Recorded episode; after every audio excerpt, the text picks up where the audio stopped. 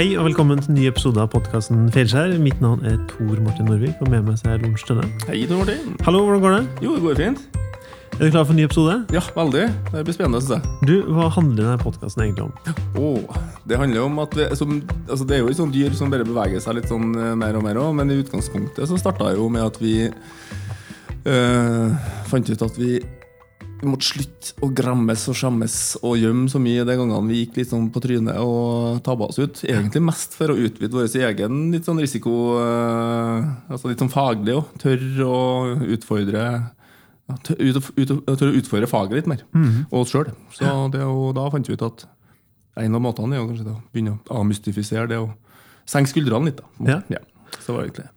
Og I dag så er vi eh, veldig heldige, for vi har med oss eh, Anne Morkmo. Og hun er en gründer, men hun kaller seg selv for en kamikaze-gründer. Og det tror jeg er helt eh, i stil med Fjellskjær, egentlig. Hun er jo den som gründa Prempec, og så har jeg vært daglig leder i fiskerestauranten Ågot Lian. Og daglig leder i Mathallen. Den blir jo kåret den beste fiskerestauranten Mhm. i Trondheim. Så jeg er styremedlem i stiftelsen Sorgenfri, og der har jeg også jobba i siste. Også hvis du går på Twitter og så ser bioen hennes, står det gründer, står det tåler motgang, liker medgang, står midt oppi det og har satt bremsene på. Så det tror jeg blir spennende å høre hva som menes med det. Oi. Mm. Er du klar? Yes, veldig. Hei og velkommen til oss, Anne. Tusen takk. Du, Så fint at du ville ta deg tid til å prate med oss. Har du eh, lyst til å bare kort fortelle litt eh, hvem er du, og hva har du gjort? Eller hva gjør du egentlig? Akkurat nå, så, som du sa, så jobber jeg en del på gatemagasinet Sorgenfri. Ja, Jeg er, begynner å bli godt voksen. Ja. 53 år. To ungdommer i hus og er gift eh, med òg en trønder. Har bodd nesten 20 år på Vestlandet. Født i Åfjorden. Og har gjort mye spennende så mye forskjellig opp gjennom åra. ja alt har gått bare bra.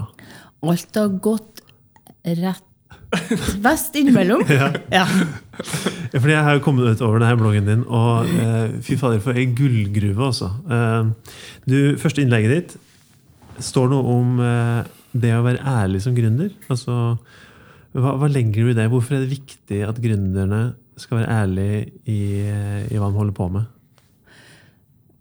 Det er viktig, for at hvis ikke så kan det jo hende at eh, feil eh, personer begynner å gründe. Hvis at en tror at det er annerledes enn hva det faktisk er. Um, nå er jo jeg sammen med mange ungdommer som gründer. Og i hvert fall nå de siste åra.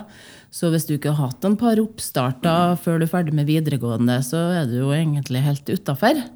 Um, og det syns jeg kan være litt skummelt, hvis en tror at det å gründe er bare kult og problemfritt og artig. Det er alt det der også, men det er så mye mer. Og det mener jeg med å være ærlig, at en må også si og snakke om nedturene. Og snakke om det som kan føre til at du går skikkelig på trynet. Eh, ikke minst den som har gjort det, må jo dele uh, de erfaringene så kanskje noen andre kan lære av dem. Sånn at ikke alle bør gjøre de samme feilene, f.eks. For du har vært gründer i 25 år. Ja, 28 nå. 28 nå.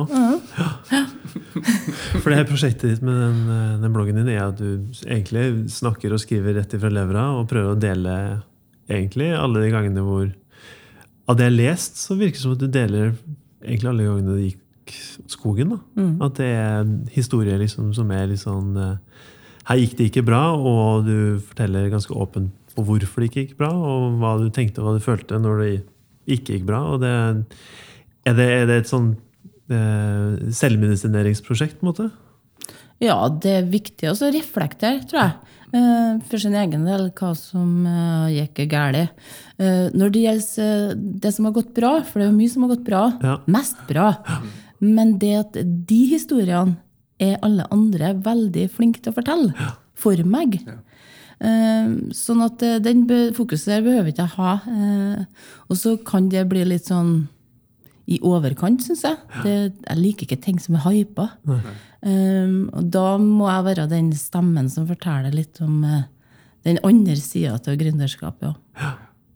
Jeg ser at du har skrevet at um, eh, det er gründere er sånn som rus. Også når du snakker om oppstart, innovasjon, entreprenørskap og verdiskapning. Så en rus som gir både en eventyrlig gladfølelse, men også et vanvittig uh, kuppelhue. Hva, hva, legger du i det? Jo, rus er jo for meg det er noe som jeg forbinder med avhengighet. Ja. Og jeg er nok avhengig av å holde på med oppstart mm. i en eller annen eh, kontekst. Ja. Det har jeg på en måte innfunnet meg med. Ja. Men så er det jo da som rusen her, som med all annen rus, at en må jo da prøve å tøyle den avhengigheten.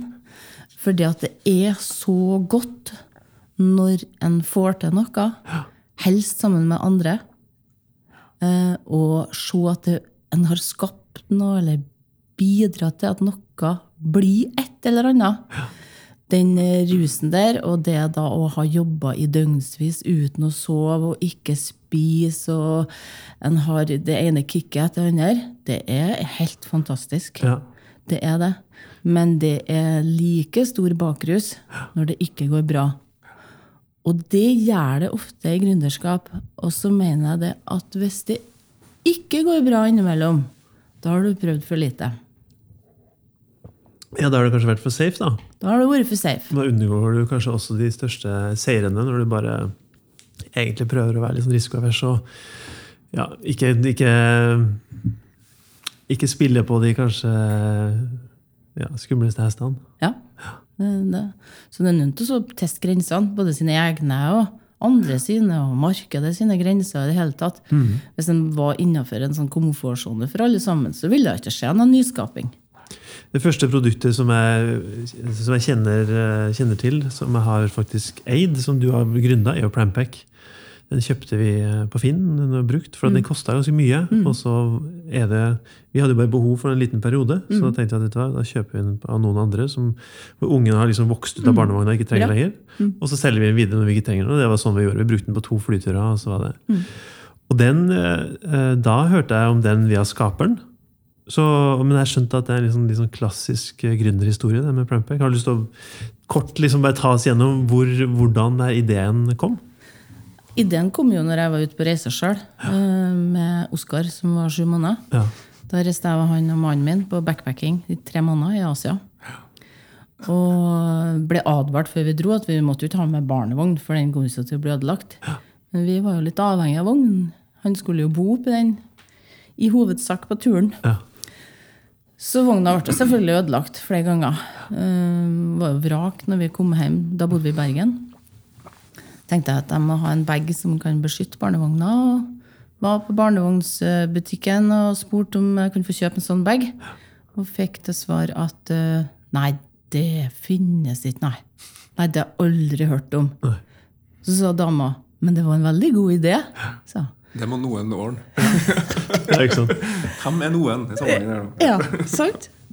Så da um, hadde jeg nå den ideen litt og begynte å undersøke litt eh, mm. hvordan det var. Ja, så når vi da flytta til Trondheim noen år etterpå, og jeg begynte på sykepleien, så var det en gründerkonkurranse der. Og der var det veldig lite fra de helsefaglige studentene. Men jeg prøvde meg nå med Plumpack. Og det var på en måte begynnelsen til en uh, historie uten så videre med feilskjær, egentlig. Ja, For det var egentlig en suksesshistorie? det? Ja, det vil jo si det. Ja. Eh, vi ble nominert til Reodor-pris, vi fikk merke for god design. Vi var en av innovasjonene på verdens største barneutstyrsmesse. Vi ble uh, kåra til en av 100 innovasjoner i verden uh, det siste året. Og vi solgte produktet i fem land. Og så solgte vi hele selskapet til Stokke, som hadde en distribusjon bygd opp i hele verden. Og nå selger Stokke akkurat det samme produktet i over 70 land i verden. Men Hvordan var det å selge til Stokka? Det var helt fint, det. Var det? ja. det var bare å oppgi kontonummer? Ja. ja. Det var enkelt?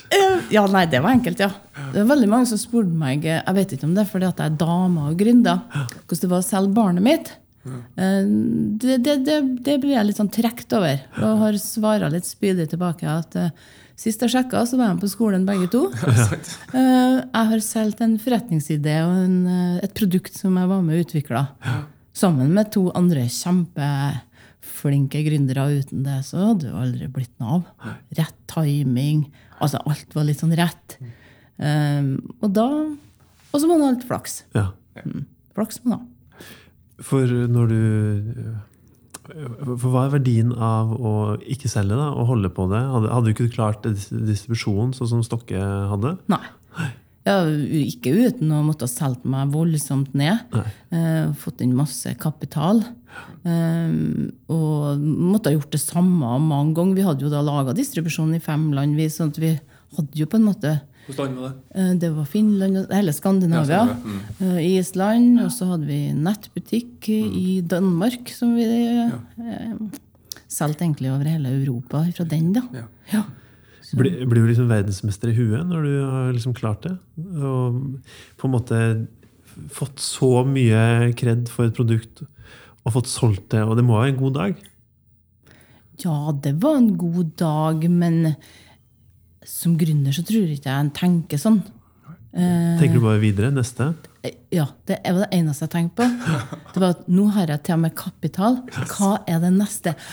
Eh, Tenk deg hva hun kan gjøre nå! ja, nå når jeg har penger! Det hadde jeg jo Hvordan med. være ungene mine nå? Hva jo, fiskerestaurant. Og det var mange som sa til meg at du ikke tok alle pengene og kjøpte deg ei halv øde øy og kulene resten av livet. Det kunne ikke ha falt meg inn! Nei, Hvorfor fordi det, det? det er ikke sånn det funker. Jeg har ikke noe ønske om å bo på Ødøy. Ja. Nei. Ikke Inderøy engang! Men eh, du nevner at eh, du forsto hvor viktig det var med patentering. Hva, hva betyr det? Hva ligger i det?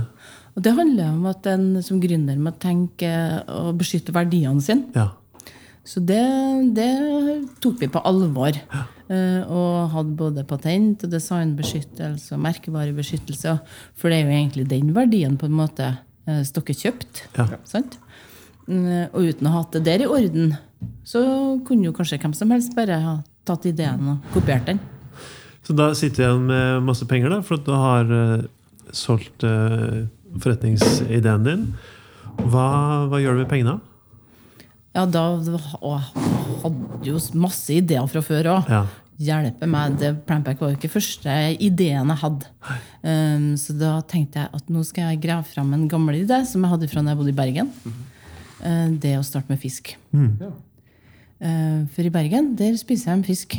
Og det er flere plasser du kjøper varme fiskekaker. og i det hele tatt, sant? Og jeg er jo veldig glad i det. Jeg vokste opp i Åfjorden. Der var det fisk seks dager i vekka. Sjuende dagen gikk vi og ønska at det skulle bli fiskevekka igjen. Ja. Så, så syns jeg det er viktig det her med å utnytte de ressursene som vi har rundt oss. Ikke bare sende det ut av landet til foredling. Og så syns jeg det er viktig at ungene våre lærer å spise fisk, og at vi spiser mer fisk sjøl. Sånn i et helseperspektiv òg. I tillegg til at det er veldig godt, da. Ja, Yes. Ja. Så da, det var bakgrunnen egentlig for Ågot Lian. ja, så da kom eh, Og det her var 2012? Var det? Ja, stemmer. Så starta det Ågot Lian. Og det jeg har skjønt, er at dere hadde jo da sett på markedet og skjønt at det var eh, en nisje som dere kunne liksom ta tak i. Og det var vel var det én fiskerestaurant i Trondheim fra før av og 50 pizzarestauranter eller noe? Det stemmer. Det var Havfruen som var Ja, det var den eneste. Ja. Ja, som var da. Så var det noen år før de gikk rauk den der Ing- fru Inger, var det? Ja, Ja, stemmer. stemmer. Hellstrøm var der og rydda opp, ja. Ja, hun rydda ordentlig opp. Ja, for Det, det virka som det gikk gr- grundig til verks. For du- jeg har jo lest at du har skrevet uh, Dere studerte markedet, dere tolka trender, dere satte dere inn i helse- og næringspolitikken og alt annet som kunne bety noe. Alt vi fant, pekte i samme retning, og at det her skulle dere gå for. Så det virker jo som at dere gjorde en god jobb i forkant. Grundig, i hvert fall. Ja, ja. Også, ja, det er fint. Forskjell på grundig og god, ja. Ja, Men det det er jo ikke alltid at en grundig jobb eh, gir, gir det rett for deg, da. Nei. Det Så- handler om fokuset, tror jeg. Um, og, for, og en ting er å se på tall, hva markedet ønsker å si, men det er ikke bestandig at det stemmer overens med virkeligheten. Og så det som vi mangla, som vi ikke tok på alvor, det var det her med at vi ikke hadde noe bransjekunnskap. Og vi hadde ikke noe bransjenettverk. Så det var en stor feil i oppstarten. Riktig. Hva, hva- ja, hva legger du i det? Hva var um, Hvilken bransjekunnskap og nettverk var det som var viktig, som dere skulle hatt? Skulle hatt eh, innenfor det med restaurant. Mm, og eh, både produksjon og drift av restaurant. Eh, og også det her med den der aksepten i miljøet, i bransjen, innenfor bransjen. Eh, og jeg har jo jobba som leder i flere forskjellige bransjer, men allikevel så skjønte jeg ikke den bransjen. Eh, og det som jeg hadde opplevd hadde virka bra andre plasser, virka overhodet ikke i den bransjen her. Har du noen eksempler på det, eller? Eh, ja, for eksempel eh, det her med ansatte, personell. Ja. Ja. Um, jeg har jo jobba mange år i skole. Og lærere vil ha ting på stell og ordentlig. Og den skriver timer, og en betaler lønn og alt det. sant? Men Det tenkte jeg jo det selvfølgelig måtte virke i den bransjen her òg. Men eh, det opplevde jeg at det var ikke så viktig. Her var det kanskje viktigere hvem er som er kjøkkensjefen. Eh, Hvilke meritter har vedkommende? Hvilke meritter har de andre som jobber der? Viktig for hvem da? De som da Jobber der? Ja, så, så, de, så de ansatte gikk etter eh, egentlig hvem merittlistene til de andre ansatte? Ja, det er i hvert fall viktig. Uh, og så i 2012 uh, Det å finne kokker som hadde lyst til å jobbe med fisk, var ikke enkelt da. Det har kanskje vært enklere nå, for nå er det et annet fokus. Så det var litt sånn eh, veldig vanskelig, og hvorfor skal dere gjøre det? Og det er jo ingen som vil ha fisk, så hvorfor skal vi lage det? Så at vi brukte veldig mye tid på sånne ting som vi ikke var forberedt på. Og det å bruke tid på sånne ting når en er i drifts- og oppstartsfase, det blir dyrt. Yes. Veldig dyrt. Ja. Så da kom vi egentlig Vi kom bakpå med en gang. Og klarte aldri å hente oss inn igjen. Men dere holdt jo på i fire år, da. Ja, vi gjør det. Og så sto det også den dagen hvor dere var konkurs, at det var byens beste fiskerestaurant. Ja. Så eh, dere har jo tydeligvis levert på produkt, da. Men var det ingen som ville ha det? Jo, noen ville jo ha det. Ja. Men eh, kanskje de fleste ville ha det litt for seint. Og så var det jo ikke bra alt til å begynne med heller. Og det er jo en sånn lærdom jeg gjorde i den bransjen der, at eh, du får, du får én sjanse. Sant? Yes. Og jeg tror jo at det er lov å prøve, og en må feile litt, og en må lære litt og gå videre. Men akkurat i den bransjen der, så i hvert fall da, så opplevde vi det sånn at eh, Nei. Det er én sjanse, og når ikke dere tok den ordentlig, så klarte vi aldri på en måte å posisjonere oss. Kan du si litt om eh, tankesettet? Jeg har lest at når man prøver i det lengste å få ting til å gå rundt, eh, og så, når du ser at eh, nei, vi må melde oppbud, så er det egentlig en lettelse. Altså en slags god følelse for at nå, ok, endelig, nå, vi, nå skal vi endelig legge det ned. Og at det ligger en god følelse i det at, eh, at det blir en avklaring på det. Kan du liksom beskrive litt hvordan, hvordan det er når du står i det, og, og hva du, hva du liksom går igjennom i ulike faser? Det er jo det, det nesten sånn kjærlighetsbrudd, liksom. Ja, jeg har jo alltid sagt at det å finne seg partnere i eh, forretningslivet eh, er jo mye alvorligere enn å finne seg en partner i privatlivet. Ja. For det kan ha mye større konsekvenser at du velger feil. og ja. Men du har jobba med mannen din, ikke? Jeg har det. Og vi er fortsatt gift. Så akkurat der, eh, det klaffa. um, men um, en går gjennom mange faser, og egentlig når en sliter Så vi vurderte kanskje, i de siste tre åra i hvert fall, skal vi gi oss. Men så vet en jo det, at det, er jo ikke når den første tanken slår deg inn i at du skal gi deg, at eh, det er jo ikke da du oppnår et eller annet. Du må jo holde ut. Mm. Så vi holdt jo da ut. Og så når du da tar bestemmer deg for at nå, nå går det ikke noe mer, det er ikke noe mer penger, Det er overhodet ikke noe mer energi til å jobbe gratis en eneste time i den oppvasken. Uh, Ungene har gått gjennom flere år på skolen uten at jeg i hvert fall har fått det helt med meg. Uh, jeg har sjelden hilst på klasseforstanderen deres. Og sånne ting. Og når du liksom begynner å summere opp det der litt sånn, Nei, nå er det nok. Ja. Uh, og når en da har bestemt seg for det, da er, opplever en en lettelse. Og så er det jo en periode, i hvert fall var vi, et sånt vakuum. Mister vi huset? Mm. Uh, uh, han eldste skulle konfirmeres to måneder etterpå. Nei, en og en halv måned etterpå. Ja. Og hadde sånn, planlagt å ha konfirmasjon der, sikkert òg? Ja, eller, eller var det sånn Der kunne vi ikke ha den. Uh, og kan egentlig ikke be folk hjem heller, for vi vet jo ikke strengt tatt om vi har heimen vår. Så det var mye sånne usikkerhetsfaktorer. kan du si. Så vi inviterte til konfirmasjon, men liksom, hvor det skulle bli hen, det, det var litt åpent. Kjem tilbake til det. Ja. Et par dager før. Uh, men du kjørte full åpenhet liksom, om situasjonen deres til alle rundt dere? Ja, etter vi hadde bestemt oss at vi skulle gå til skifteretten, ja. ja. Men ikke men, eh, men, det blir litt sånn at du har på en måte hatt de lange diskusjonene og, ja. i mange år før. Sånn at når du da tar den beslutninga, så går det veldig fort. Ja. Men oppfattes det nesten som et verdivalg, det å ta den beslutninga? Ja. ja. ja det. Sånn som du beskriver nå, på en måte at det er noe, altså du må summere. Ja. Og nå var det, og da er det noe annerledes. Hvis det oppleves som ja, med at en du og partneren og mannen din, så at nå tar vi verdivalget på legger ned, framfor at vi jeg må fordi at det er noen andre. Så det er jo en veldig sånn, Da kan jeg skjønne at det er en lettelse. på en måte. Ja, det er det. ja. Og lettere å prate om i forhold til at vi har valgt dette. Det var vanskelig, sånn, sånn, sånn, men vi har valgt det pga. summen.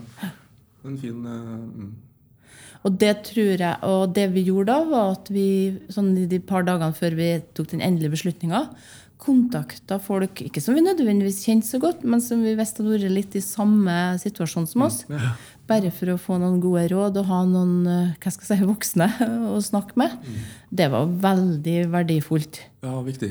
Eh, Steinar Hyll er min helt eh, til siste dag fordi at han tok seg tid ja. til å prate med oss og, og ta oss på alvor.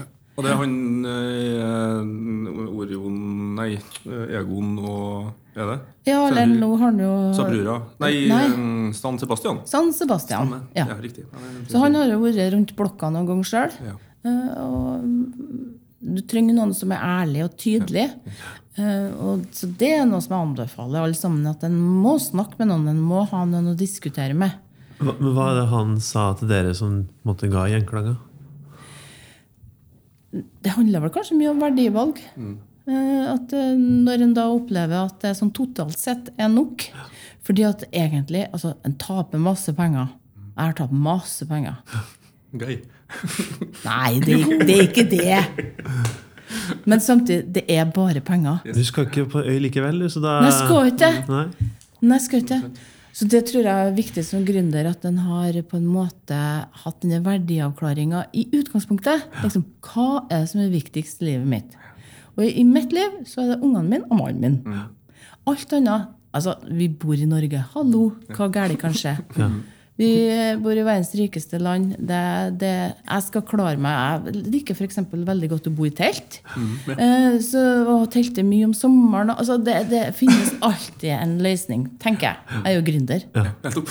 Men det, eh, det, er veldig kult, for du er jo ikke bare gründer. Eh, du skriver at du er en gründerjunkie. Mm -hmm. Og jeg må bare lese opp det du har skrevet, for det her er ganske fint litt avsnitt som du har forfatta på bloggen din. Jeg er en seriegründer. Jeg må holde på med en eller annen glup idé. En oppstart, en bedrift. Har jeg ikke noe på gang, river og sliter i meg. Jeg blir rastløs, rydder hus, vasker alle skap, reiser. Jeg må bare få kloa i et prosjekt, en oppstart, skape noe.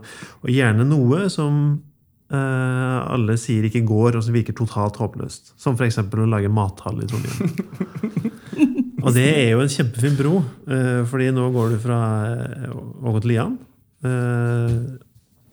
Og over til mathallen. Hvor, eh, gikk, det, gikk det slag i slag, eller jobba du med begge to ting samtidig? En liten periode, begge to ja. eh, samtidig. Ja. Så gikk det over til bare mathall. I forhold til det med, Du snakka om med fokus. Eh, hvordan, hvordan, klarer man å ha fokus når du er i en en nedadgående periode på Ågot Lian, så skal du på en måte forvalte mathallen. da. Um, egentlig så tror jeg det gikk ganske bra. Fordi at um, jeg hadde flinke folk, uh, blant annet mannen min, som hadde litt fokus på Ågot. Sånn at jeg kunne konsentrere meg mye om mathallen. Og så hadde jeg flinke folk på mathallen også. Så akkurat det, det tror jeg kanskje er årsaken til at det ble litt vanskelig etter hvert. Ja, for hva, hva var hensikten med mathallen? Hva, hvorfor, hvorfor i hele tatt ønska man en mathall i Trondheim? Men Først av alt det var det ikke jeg som ønska mathall. Eh, Det var vel Bøndenes hus som hadde et ønske om å ha mathall i lokalene sine. Og så hadde de en prat med Oi Trøndersk Mat, som eh, har god kjennskap til og har jobba med lokal mat og eller matproduksjon da, eh, i det hele tatt, i Trøndelag i lang tid. Eh, Jeg kjente dem gjennom forskjellige arrangement jeg har vært med på, med fisk. Og ut ifra det så ble det beslutta at en skulle starte en mathall i Prinsens gate. Og der ble du, ble du daglig leder fra starten av, eller kom du på senere? Nei, jeg ble prosjektleder eh, fra starten av. Ja. Det var jo flere alternativer som ble vurdert eh, av Bøndernes hus før det endte på det konseptet, egentlig, som eh, jeg og eh, og Trøndersk Mat hadde. Eh, Og det vi da tenkte, at det skulle være en kombinasjon av eh, um, produkt ja, som selges, eh, mm, en restaurant eller mm, spiste, og kurs og matkurs og foredrag og ja. Så at det skulle være tre bein det skulle stå på. Og da var det liksom gjort samme grundige jobben da, med sånn markedsavklaring? At det, det er et ønske om det, eller var det bare rett og slett bestilling som, ble, som du leverte på? Jeg hadde ikke jobba med noe sånn særlig markedsavklaring på det, men mange andre hadde jo gjort det eh, i flere år.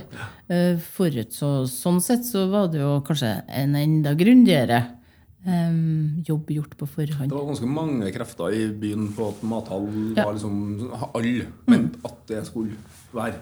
Og mange, foruts, altså mange oppfattelser av både hvor det burde være, og hvordan det burde være. Og det var mye sannheter som etablert der. Ja. Og grundige jobber er kanskje forskjellen på grundig og god igjen. Da. Ja. Ja, for Hvordan gikk det med mathallen? Nei, det gikk jo ikke. Nei. Nei. Hvor lenge holdt du på?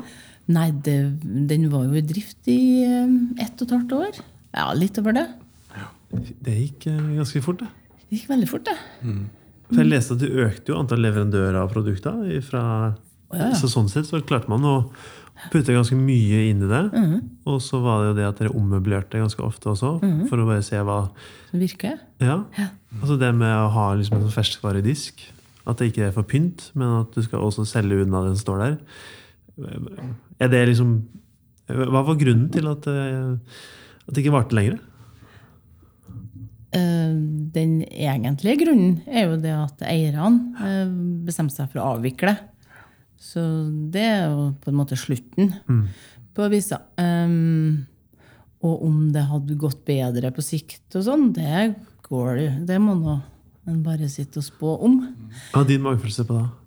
Hva? Hva er din magefølelse på da? Hadde det Hadde du eh, Hvis man hadde latt det gå et par år til, da, tror du at man hadde liksom fått snudd skuta?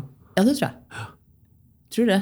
Men jeg vet ikke om det er gründeren i meg som snakker, eller om det er den som kan lese Excel-ark. da. Ja. Um, Men det gikk jo bedre eh, fra oppstarten. Og så er det mye som forandrer seg på kort tid, eh, også i det markedet her med mat. For når vi starta matene, så var det vanskelig nok å få tak i lokalmat i perioder. Eh, Ikke minst nok volum. Eh, Mange produsenter var nye. Hadde de strekkoder på varene sine, så var det kanskje noen som hadde de samme strekkodene på alle varene. Altså, det var en del um, sånn, at, sånn sett så fikk mathallen en litt sånn oppgave. da, Og så veilede og hjelpe de som da trengte det. Og så har jo det, øka det jo fort uh, etter hvert med produsenter. Vi tok inn flere og flere, også fra hele Norge. Samtidig så var jo dagligvarebutikkene ble jo flinkere til å ta inn lokal mat. Så innimellom så konkurrerte vi med dem eh, om å få varer. Og så, til- jeg har jobba litt, litt i denne bransjen. der, og En av de største jeg kan jo bekrefte og avkrefte, men en av utfordringene som jeg har sett på noen av mathallene, er at på de minste produsentene så blir kampen om hvem er som funker som bank. Eh, For at de er jo lært opp med minste produsentene er lært opp eh, med god vilje alle sammen på at du må huske å ta deg betalt. Ikke levere varene og få betalt når først varen. Du må selge varen. Og så, sant, og da, hvis du da må kjøpe, må kjøpe 40 enheter, og så får du da som mathall bare solgt sju, så blir du, fungerer du som bank. Ja. Sant? Og der er det, det er et offentlig ansvar. Ja. Det er, noen må ta det ansvaret på våre kreditor eller våre bank i systemet her, så får vi ikke opp de mathallene våre. For at med, med lokalmat. Da ender du opp bare med at da er det enklere å levere til gourmet- gourmetbutikkene. Eh, Dagligvarebutikkene kan en halv mathall. da. Ja. Nei, det, det, det stemmer, det. Um, vi kjøpte jo varene av eh, produsentene. Um, mange av produsentene hadde jo solgt på Bondens marked i lang tid. Uh, og bare det å få produsentene til å forstå noen ganger at ja, men dere kan ikke selge varen til samme pris til oss, for vi skal jo selge den videre og tjene på det. Det var òg vanskelig å forstå. og sånn at Det var mange sånne hva skal jeg si, faktorer som tok tid å endre på. Og det tar nå kanskje enda lengre tid da, eh, enn eh, den tida vi hadde, i hvert fall.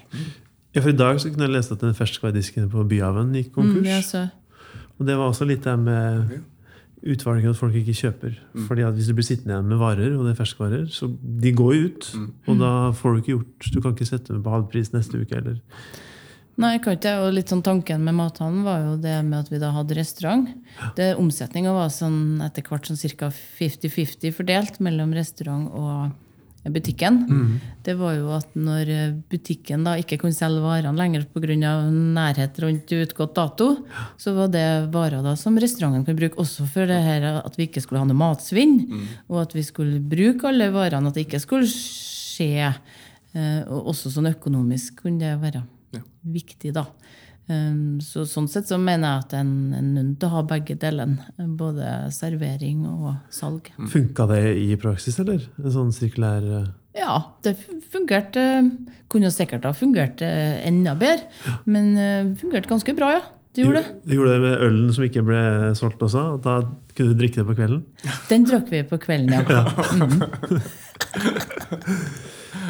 Men eh, jeg har også skrevet, eh, hvis du skal gå litt videre på den mathallen, hvordan eh, din jobb som daglig leder, hva, hva var liksom mest utfordring med det? Det var jo Du har jo ansvaret med å få det til å gå rundt. Ja, det er det. Det er et veldig sånn stort eh, ansvar. Da. Det En kompleks eh, forretningsside. forretningsside. For vi hadde butikk, restaurant, så hadde vi kurs, vi hadde foredrag. Så jeg kunne jo f.eks. Eh, tidlig på dagen så kunne det hende at jeg hadde et eh, foredrag og møte med et par statsråder som var innom og ville høre om konseptet. Eh, Og litt senere på dagen så sto jeg et par timer i oppvasken. Og så kunne det være samtaler med ansatte, det kunne være rydding og servering. Altså veldig, veldig mm, varierte oppgaver, da. Kan en si. Og den, den bransjelæringa fra Ågot Lian, hadde du liksom da fått den og tatt den med seg videre og lært? liksom? Ja, det opplevde absolutt det. Ja. Um, Det var ikke noe vanskelig å finne gode folk som kunne jobbe med meg i Matan. Da var situasjonen helt annerledes. Ja, for der hadde vi jo veldig godt team. Ja, Og, ja, og kom på White Guide-lista ganske fort òg. Veldig fort. ja. Så det var veldig dyktige folk der, og kompetansefolk. Men opplevde du, for det var jo en veldig så stor heiagjeng eh, om Matan. Sant? Fra alle hold. Viktig for byen osv. Følte at den var reell. Var heiagjengen reell når det ble startskuddet gikk? Det er forskjell på å være heiagjeng og være en gjeng som går og handler. Ja. Det er det. Ja. Um, så, så det er en sånn En kan gjøre en grundig jobb i forhold til hva markedet vil ha. Men markedet er aldri som enhet lojal til verken en restaurant eller et produkt.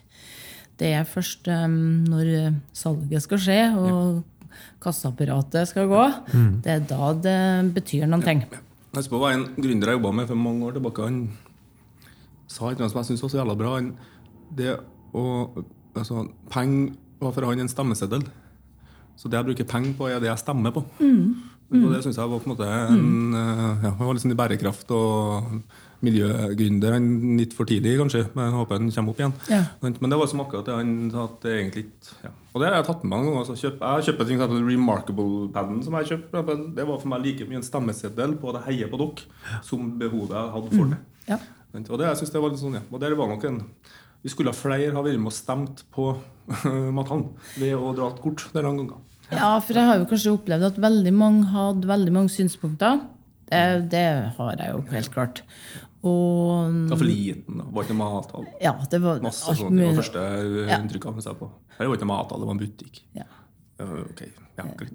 Og så, eh, liksom. Ja, yes. um, og, og veldig mange som jeg da har spurt liksom, ja, men hva ville du hatt annerledes, Mm. og hva skulle vi ha gjort annerledes? Sånn, Nei, jeg har jo aldri vært der. Nei, så, og da blir det sånn ah, Ja, og Da blir det tilbake til den rene sjansen som en har der. og- Ja, det ja. er det, faktisk.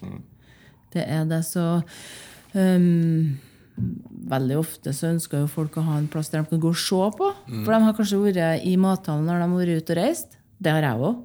Masse. Um, og da går en jo gjerne og ser på. Um, um, men um, det, det, da måtte vi ha tatt inngangspenger. Ja, Hvis vi skulle ha vært det. Ja, selvfølgelig. Ja. Det husker jeg på en annen mathall, en liten mathall jeg jobba med, og de sa at det er veldig mange som kommer og syns det er fint å se på lokalmaten. Ja. ja. Veldig artig. Artig å vise fram. Ja. Så det er for dyrt å handle. Det kan vi ikke gjøre. Ja, vet, ja, men det er sånn kult, jeg vet ikke. Eh, Kanskje, og det er kunnskap om hva man skal bruke de råvarene til noen ganger. og sånne ting. jeg Vet ikke. Kanskje ikke er nok hobbykokker. jeg vet ikke. Eh, Noe sånn, eh, men jeg tror det handler litt om forretningsmodellering inni her. også, For at det er et stort eh, rop etter flere utsalgspunkt til lokalmatleverandørene, produsentene. De roper jo etter flere punkt å få solgt noe på. Så for så er det, det er noe med forretningsmodelleringa som er, går ja, inni her som ikke er vanlig. Det er Det funker ikke, det er, det er ikke som vanlig forretningsmodellering i andre businesser.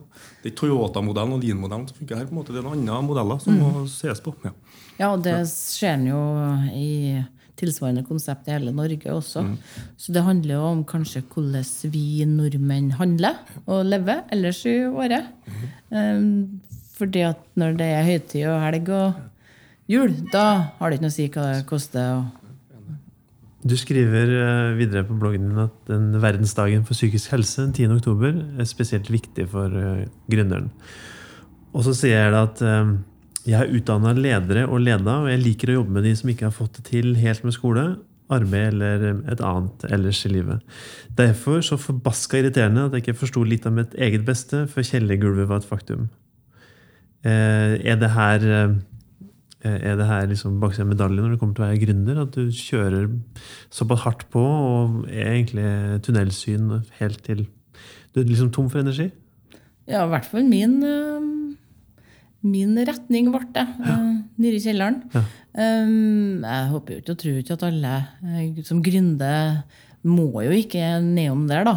Men eh, hvis en har tunnelsyn, som du sier, og i lange perioder som gründer, så må en nesten ha det.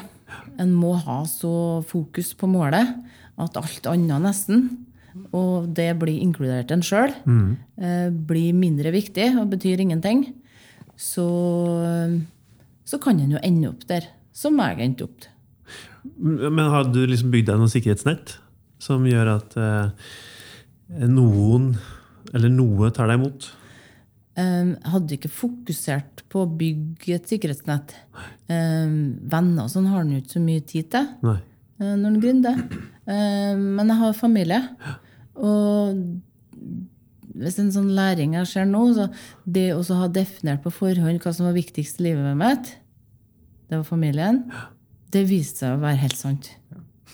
Så fint. Ja. Ja. Eh, Det viktigste var der når jeg trang eh, et sikkerhetsnett. Og de var også veldig mye motivasjonen min for å kreke meg opp igjen. ja, for du har er det var to gutter. Hvordan påvirker det de at begge, for begge foreldra er gründere? Ja, og så i tillegg mannen min jobber jo på NTNU, så vi eh, har vært ganske opptatt, ja. Hvordan, hvordan, hvordan blir den dynamikken når dere har den her eh, hva skal jeg si, gründerrusen? da, Og hele tida kanskje har lyst til å tenke ideer og hva det neste du skal sette i gang med? å- ha det her tunnelsynet. Blir de, blir de prega? Det, blir de også to gründere? Nei, de blir ikke to gründere. Nei, helt sikkert ikke. Og dessuten så um, har det vel kanskje sånn sett slått helt sånn kontra. Eh, De har ikke noe sans for det her med gründing i det hele tatt. Eh, og, men det har jo ført til noe positivt. De har blitt veldig selvstendige, for de har vært mye hjemme alene. Eh, De, har, de er veldig glad i å gå på skole. Og ser eh, nytten av å få en bra, solid utdanning. Ja. Så at de kan Slutt få på jobb klokka fire. Ikke som de gærne foreldra. Så herlig. Så tror jeg òg det har gjort noe med dem i forhold til hva de syns er verdifullt og ikke. Um, for de har sånn sett fått litt det samme verdigrunnlaget som meg jo, da, mannen min. Eh, Det er ikke pengene som er det viktigste. Det er ikke merkeklær, det er ikke dyre ting. Det er det å ha det bra. Men hadde du både Lian og Matan gått kjempegodt hvis du hadde hatt det fokuset? Ikke vært så verdistyrt. Kjørt på. Tjene mest mulig penger. Hadde du fått til det. Har du vært for verdistyrt i det du holdt på med? Kanskje. Mhm. Ikke tenkt på det før du spurte meg nå, så det var et bra spørsmål. Men kanskje. Og det er jo noe som jeg har Jeg har jo brukt tid etter matene, for jeg gikk jo på en skikkelig smell. Jeg har jo brukt tid etterpå å finne ut liksom, hvorfor ble det sånn. Uh, og for å prøve å unngå at det skjer igjen. Og så er det jo interessant å lære. Uh, alltid. Og um, en kan kanskje si at det var for verdistyrt. Um, og ikke nok fokus på det her med Eller har ikke en stor, det største ønsket om å tjene masse penger. Når det er mange rundt seg som, en, som, mange rundt seg som er opptatt av det igjen, så blir det utfordrende. Det å demme dere. Helt sant. det er mennesker som er, Du har mellomleddet mellom kapital og hardtarbeidende mennesker rundt omkring ute der. Og jeg er imponert over alle matprodusentene her. Også. Det, er, det, det er heim på gården deres, ungene og hele familien involvert døgnet rundt. Og det er, noe, ja, det er noe å ha respekt for. Og det er mellomleddet mellom kapital, kapitalen og dere livene der. Det er en eh, spennende rolle som mathat også. Og restaurantbransjen generelt. Da. Og respekten og ko- koblinga der. Mm. Du har, du har jo hatt folk rundt deg he, egentlig hele tida, og så sier du at det er veldig viktig å ha noen der som har vidsyn. Hva legger du i det? Mm, som ikke minst er med på å minne deg på hva det er som er viktig. Um, jeg husker um, når uh, matene ble avvikla, så var det ei um, som jeg kjenner godt, Tanja Holmen. Hun sendte meg en melding. For hun hadde vært på et foredrag med meg for mange år siden. Så sendte jeg meg en melding. Nå, Anne, er det viktig at du husker på hva du sa da på det og det foredraget. Det var når jeg holdt på med Prampack. At det viktigste i livet ditt, det var familien din. Her fikk jeg frysninger. Og um, Så det å ha noen som kan være med på og så minne deg på sjøl, uh, og justere deg Og så må du ha noen som er der for å passe på deg. Så er det noen som må ta litt affære. Eh, sånn at eh, du får til å snu, så du ikke går videre fra kjelleren og enda lenger ned. Mm. Det er viktig. Ja, for Du fikk jo beskjed om å gå hjem og gründe i ditt eget hjem. Hva, hva betyr det? Nei, det var vel kanskje mest hjem i hodet mitt sjøl, da. Eh, Tenk noen nye tanker. Det er jo det gründing handler om. Ta noen risikoer der i forhold til hvordan jeg vil at livet mitt skal fortsette å være. Eh, Og da, det, det som kanskje er opplevd som en del vanskelig da i forhold til omgivelsene, det er at omgivelsene har noen forventninger til deg. Og det spørsmålet jeg fikk mest etter matene, var ja, hva skal du i gang med nå? Og når jeg sa ingenting Folk trodde meg ikke. Nei, sant. Sånn, «Nei, nå er det sikkert så hemmelig at du ikke kan si det. Kan jeg, kan jeg investere, eller? Ja. Si det, si det. Um, men det, jeg hadde ikke. Så det også fordi at Og jeg fikk jo en del jobbtilbud. Men folk har jo troa på det. da. Ja, det, er det, det er jo fint. Ja. Det er jo fint, Men eh, jeg hadde jo ikke troa på meg sjøl akkurat da. Så det hjelpa jo ikke hva omgivelsene trodde.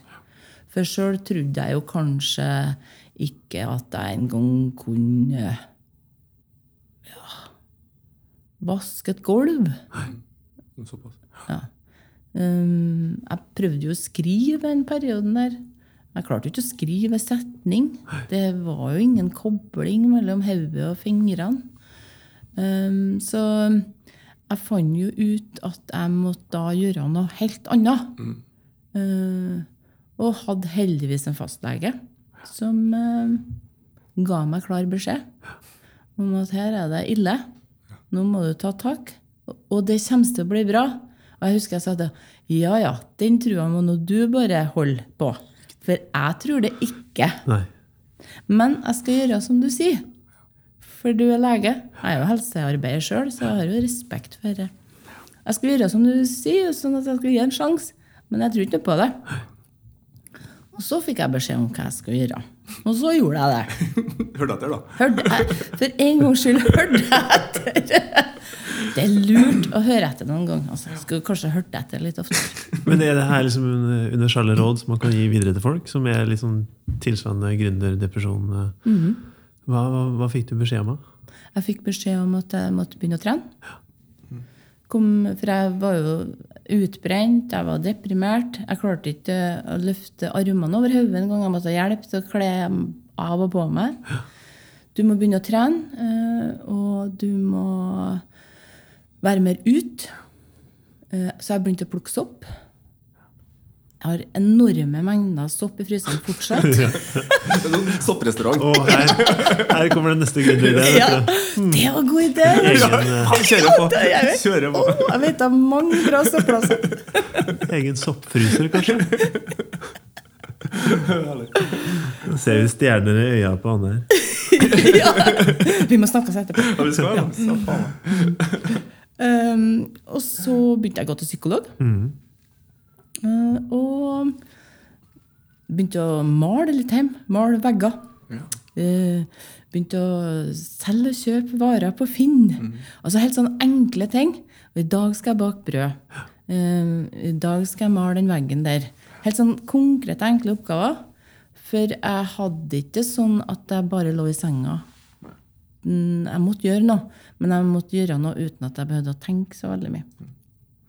Deilig. Helt i starten snakka jeg at på Twitter-profilen din så står det at du har satt på bremsene. Er du på en måte sånn, her, sånn avrusning nå på, på det å være gründer? Er du Nei, nei det, det vil jeg ikke gå med på. Nei. Restart. Restart, ja, men um, jeg har jo mange andre prosjekter som jeg ikke eier eller lede, men at jeg kan bidra gjennom å være rådgiver, f.eks. Og det syns jeg jo er fantastisk, at jeg kan eh, bruke de erfaringene mine til å kanskje hjelpe andre. Ja, for Du er ganske ofte mentor og rådgiver til oppstartsbedrifter. og sånn, vet jeg. Mm. og har jo spennende bakgrunnen med at du både har vært med og grunda opp et produkt og en ja, sam, ja, og Tjeneste. Ja, og, tjeneste, og en arena, som var nettverksarena, som på en måte. Så det har jo et sånn vidt spekter i det. Syns du det er en fin eh, rolle å ha? Ja, Sånn som har det ja. liker jeg veldig godt. Liker, ve- jeg liker veldig godt å jobbe i team. Mm. Og også, jeg har jo, sitter jo fortsatt i en del styrer. Mm. Syns det er veldig ok å gjøre ting sammen med andre. Mm. Så det får jeg jo da utløp for, både ved å sitte i styrer og det å være mentor. Ja, for du, eh, er det Connect Trøndelag det heter? Det er de som formidler mentortjenester, ja. Ja, og hva, Hvordan foregår det, og hvem er på en måte kjøperen av de tjenestene her? Det er både gründere eller oppstartsbedrifter, men det kan også være vekstbedrifter. Ja. Som da søker støtte i Innovasjon Norge for å få tilskudd til mentor. Og så er det Connect eh, Trøndelag da, som formidler den tjenesten og setter gründerne eller bedriften i kontakt med ja, noen aktuelle som de kjenner, da, som innenfor en bransje. Og så er det jo da bedriften sjøl som velger hvem de vil ha som mentor. Ja.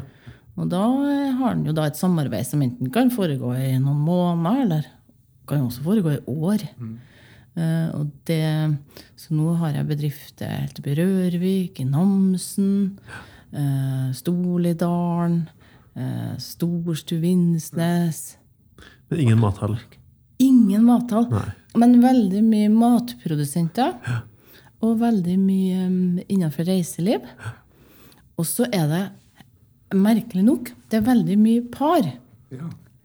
Eh, For det, at det er jo gjerne ute i distrikta, ofte er det da ektepar som eh, driver på sammen. Så det er jo et kjempeviktig team. Og jeg har jo litt erfaring med å være gründer i ekteskapet òg, skal jeg få si. Og en syke, sykepleierutdanning også i tillegg. Ja? Jeg er Så du får sykepleier. da, Jeg hadde valgt deg som mentor, jeg òg, tror jeg. Hvis jeg skal grunne opp sammen med min ekssamboer.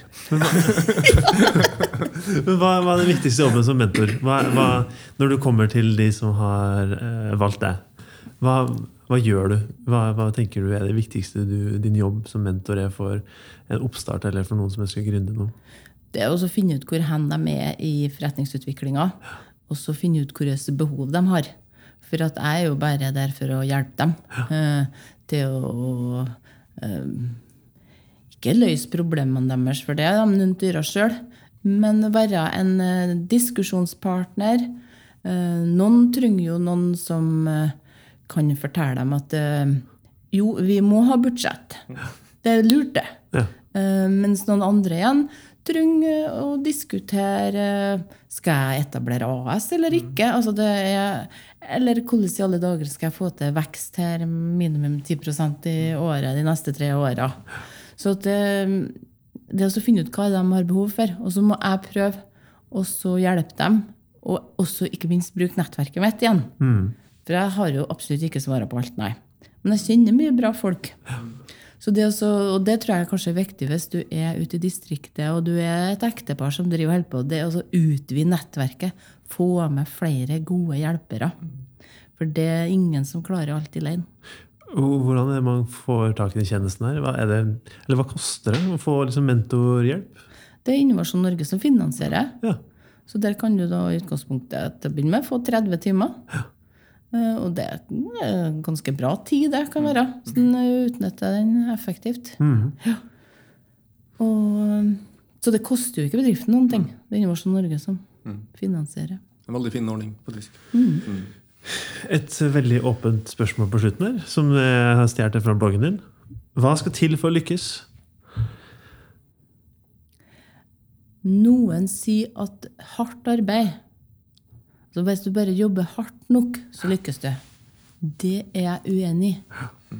For da skulle jeg lyktes med alt jeg har gjort, for jeg jobber hardt med alt. Du må også, i tillegg til å være god og grundig, så må du ha litt flaks. En må det.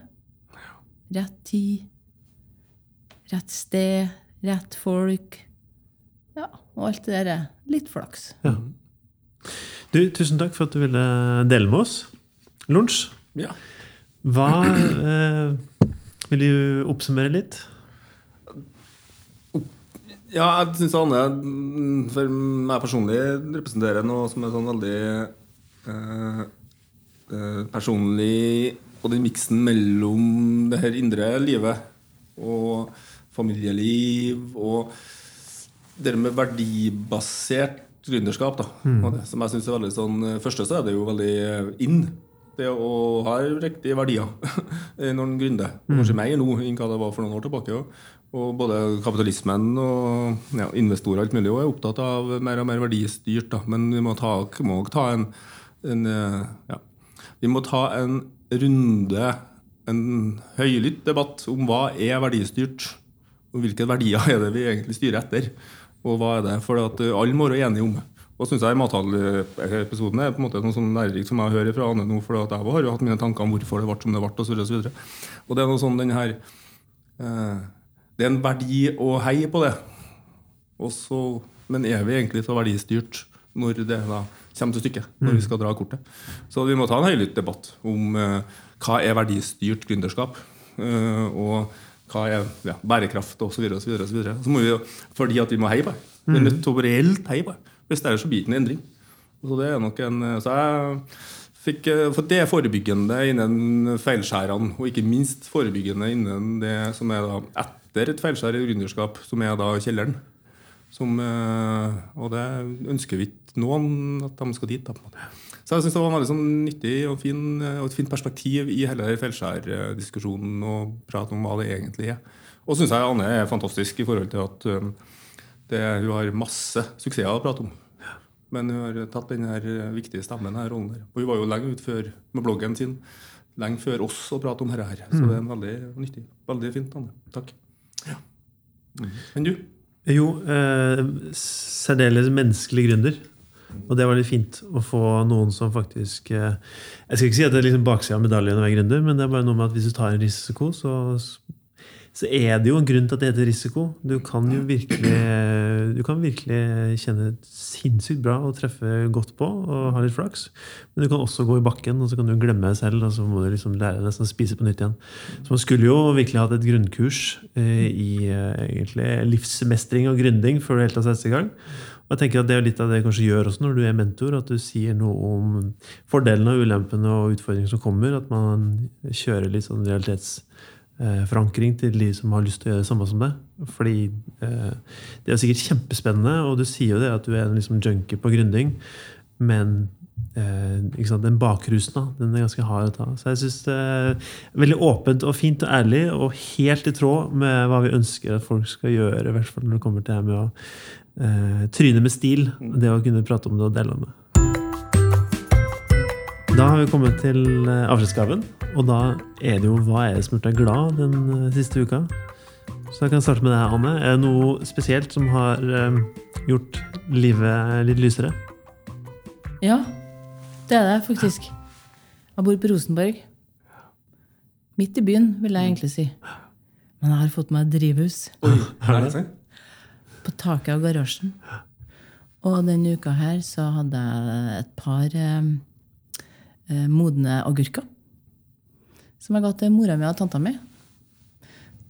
Og jeg har drevet noe med og holdt på i hagen denne uka her. Jeg har over 20 sorter. Litt settekassa drivhus. Det er helt fantastisk. Det, det gjør meg glad, kjenner jeg. Å se og holde på med at noe vokser og gror. Det er jo gründerskap. Jeg tror det ligger veldig mye sånn mental eh, glede han, i planta. Han eh, Skjerven på NRK han har noe sånn typisk norsk etter programmet. Han hadde en, en episode som heter 'Typisk lykke'. Og Det var veldig kvantitativt forskning, men den da for rundt i verden, og det var funnet ut at den fellesnevneren for lykke rundt omkring var det å, å dyrke gro noe. Ja. Så det var liksom så, det var, så derfor så det er jo, så jeg tror det er noe sånn slow uh, slow-TV, eller det er jo størring av seg sjøl. Det å så noe og se at det er omsorg der, Jeg tror det er det. Ja. Så det må man fall alle. Ja. Bra. Jeg var sånn i kassa. Ja. Min kone har sådd 100 tomatplanter. Wow! Så, det ble, så hjemme så er det jo Vi skal lage pizzasaus i et år framover. Eller eple. Du burde jo ha epletre. Ja, jeg burde jo hatt det. Du som er så glad i eple. Jeg må, neste år skal jeg spørre om å få det i stedet. Yes. Ja, Lunsj, hva med, Har du noe ekstra grunn til å feire en av de siste dagene? Det Egentlig så er det litt sånn ja, flere ting, men en sånn bitte liten ting ikke, som er egentlig veldig stort. Det er øh, ja, Jeg vet jo at Anne jobber veldig mye med selskapet og, eller en organisasjon. Så det å snu etter noen skritt når det er på butikken og kjøpe med seg et blad sorgenfri, det kjenner jeg på en måte gjør noe. Og så må jeg ta noe Ja. Og det og så må jeg Ja. Det, det, det gjør noe, kjenner jeg. Det er bra. Så det anbefaler jeg. Og så er det mm, eh, var jeg sånn eh, lokale jeg bor i Bynderøya, og så var det en som heter Strømmens dag i helga. Og bare det å ta del i det, og møte opp Møte opp på sånne arrangement som er lokalt. For det er så mange ildsjeler som har så lyst at dere skal bli bra. Og så bare møte opp. Så det, og da blir en der noen timer lenger enn hva en har tenkt. Og folk har på en måte tenkt så bra. Alt fra lotteri til hoppeslott, på en måte. Ja. Så det, sånne ting det gjør meg glad. faktisk. Og så hjelper det selvfølgelig at det var sol. Men det ja, fint. Det er mm, og på sånne arrangement. Helgen, det er bra. Ja, men Det er jo kjempe. Jeg har, jo, jeg har um, På kveldstid i de siste tre månedene så har jeg jobba med et eh, Prospera-prosjekt. Eh, Og det, Prospera er en eh, organisasjon som samler på en måte ulike folk til å jobbe i team for non-profit-organisasjoner. For å hjelpe, for, hjelpe organisasjoner i oppstart, eller ved å kanskje utvikle en kommunikasjonsplan eller osv.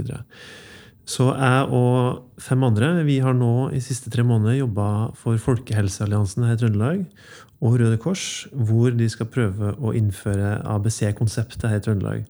Og ABC står for Act, Belong og Commit, og det er egentlig et slags eh, enkel guide for å bedre liksom, den psykiske helsa. Hvor ACT egentlig bare aktiviserer seg selv. Det kan være det å spille eller gå tur. Og belong er å liksom finne en tilhørighet, altså enten blant familie eller venner. Og commit er å gjøre ting som gir deg mestring. Så hvis du på en måte prøver å fylle livet ditt med det her da, ganske ofte, så blir du ganske motstandsdyktig, og så blir du litt eh, sunnere i toppen. Det er i hvert fall det som er tanken. Og vi har nå jobba i tre måneder, og så skal vi ganske snart nå levere et prosjekt, altså en rapport til Røde Kors og Folkehelsealliansen. Så skal de ta det videre, og så har de nå tre år på å måte bygge kjennskap og, og spre det ut da, i befolkninga i Trøndelag. Så det har vært veldig givende å være med på. Og så blir det spennende å se da, om det kommer til å påvirke den eh, mentale helsa. Hvis, vi, hvis det gjør det, så er det ingenting bedre enn det.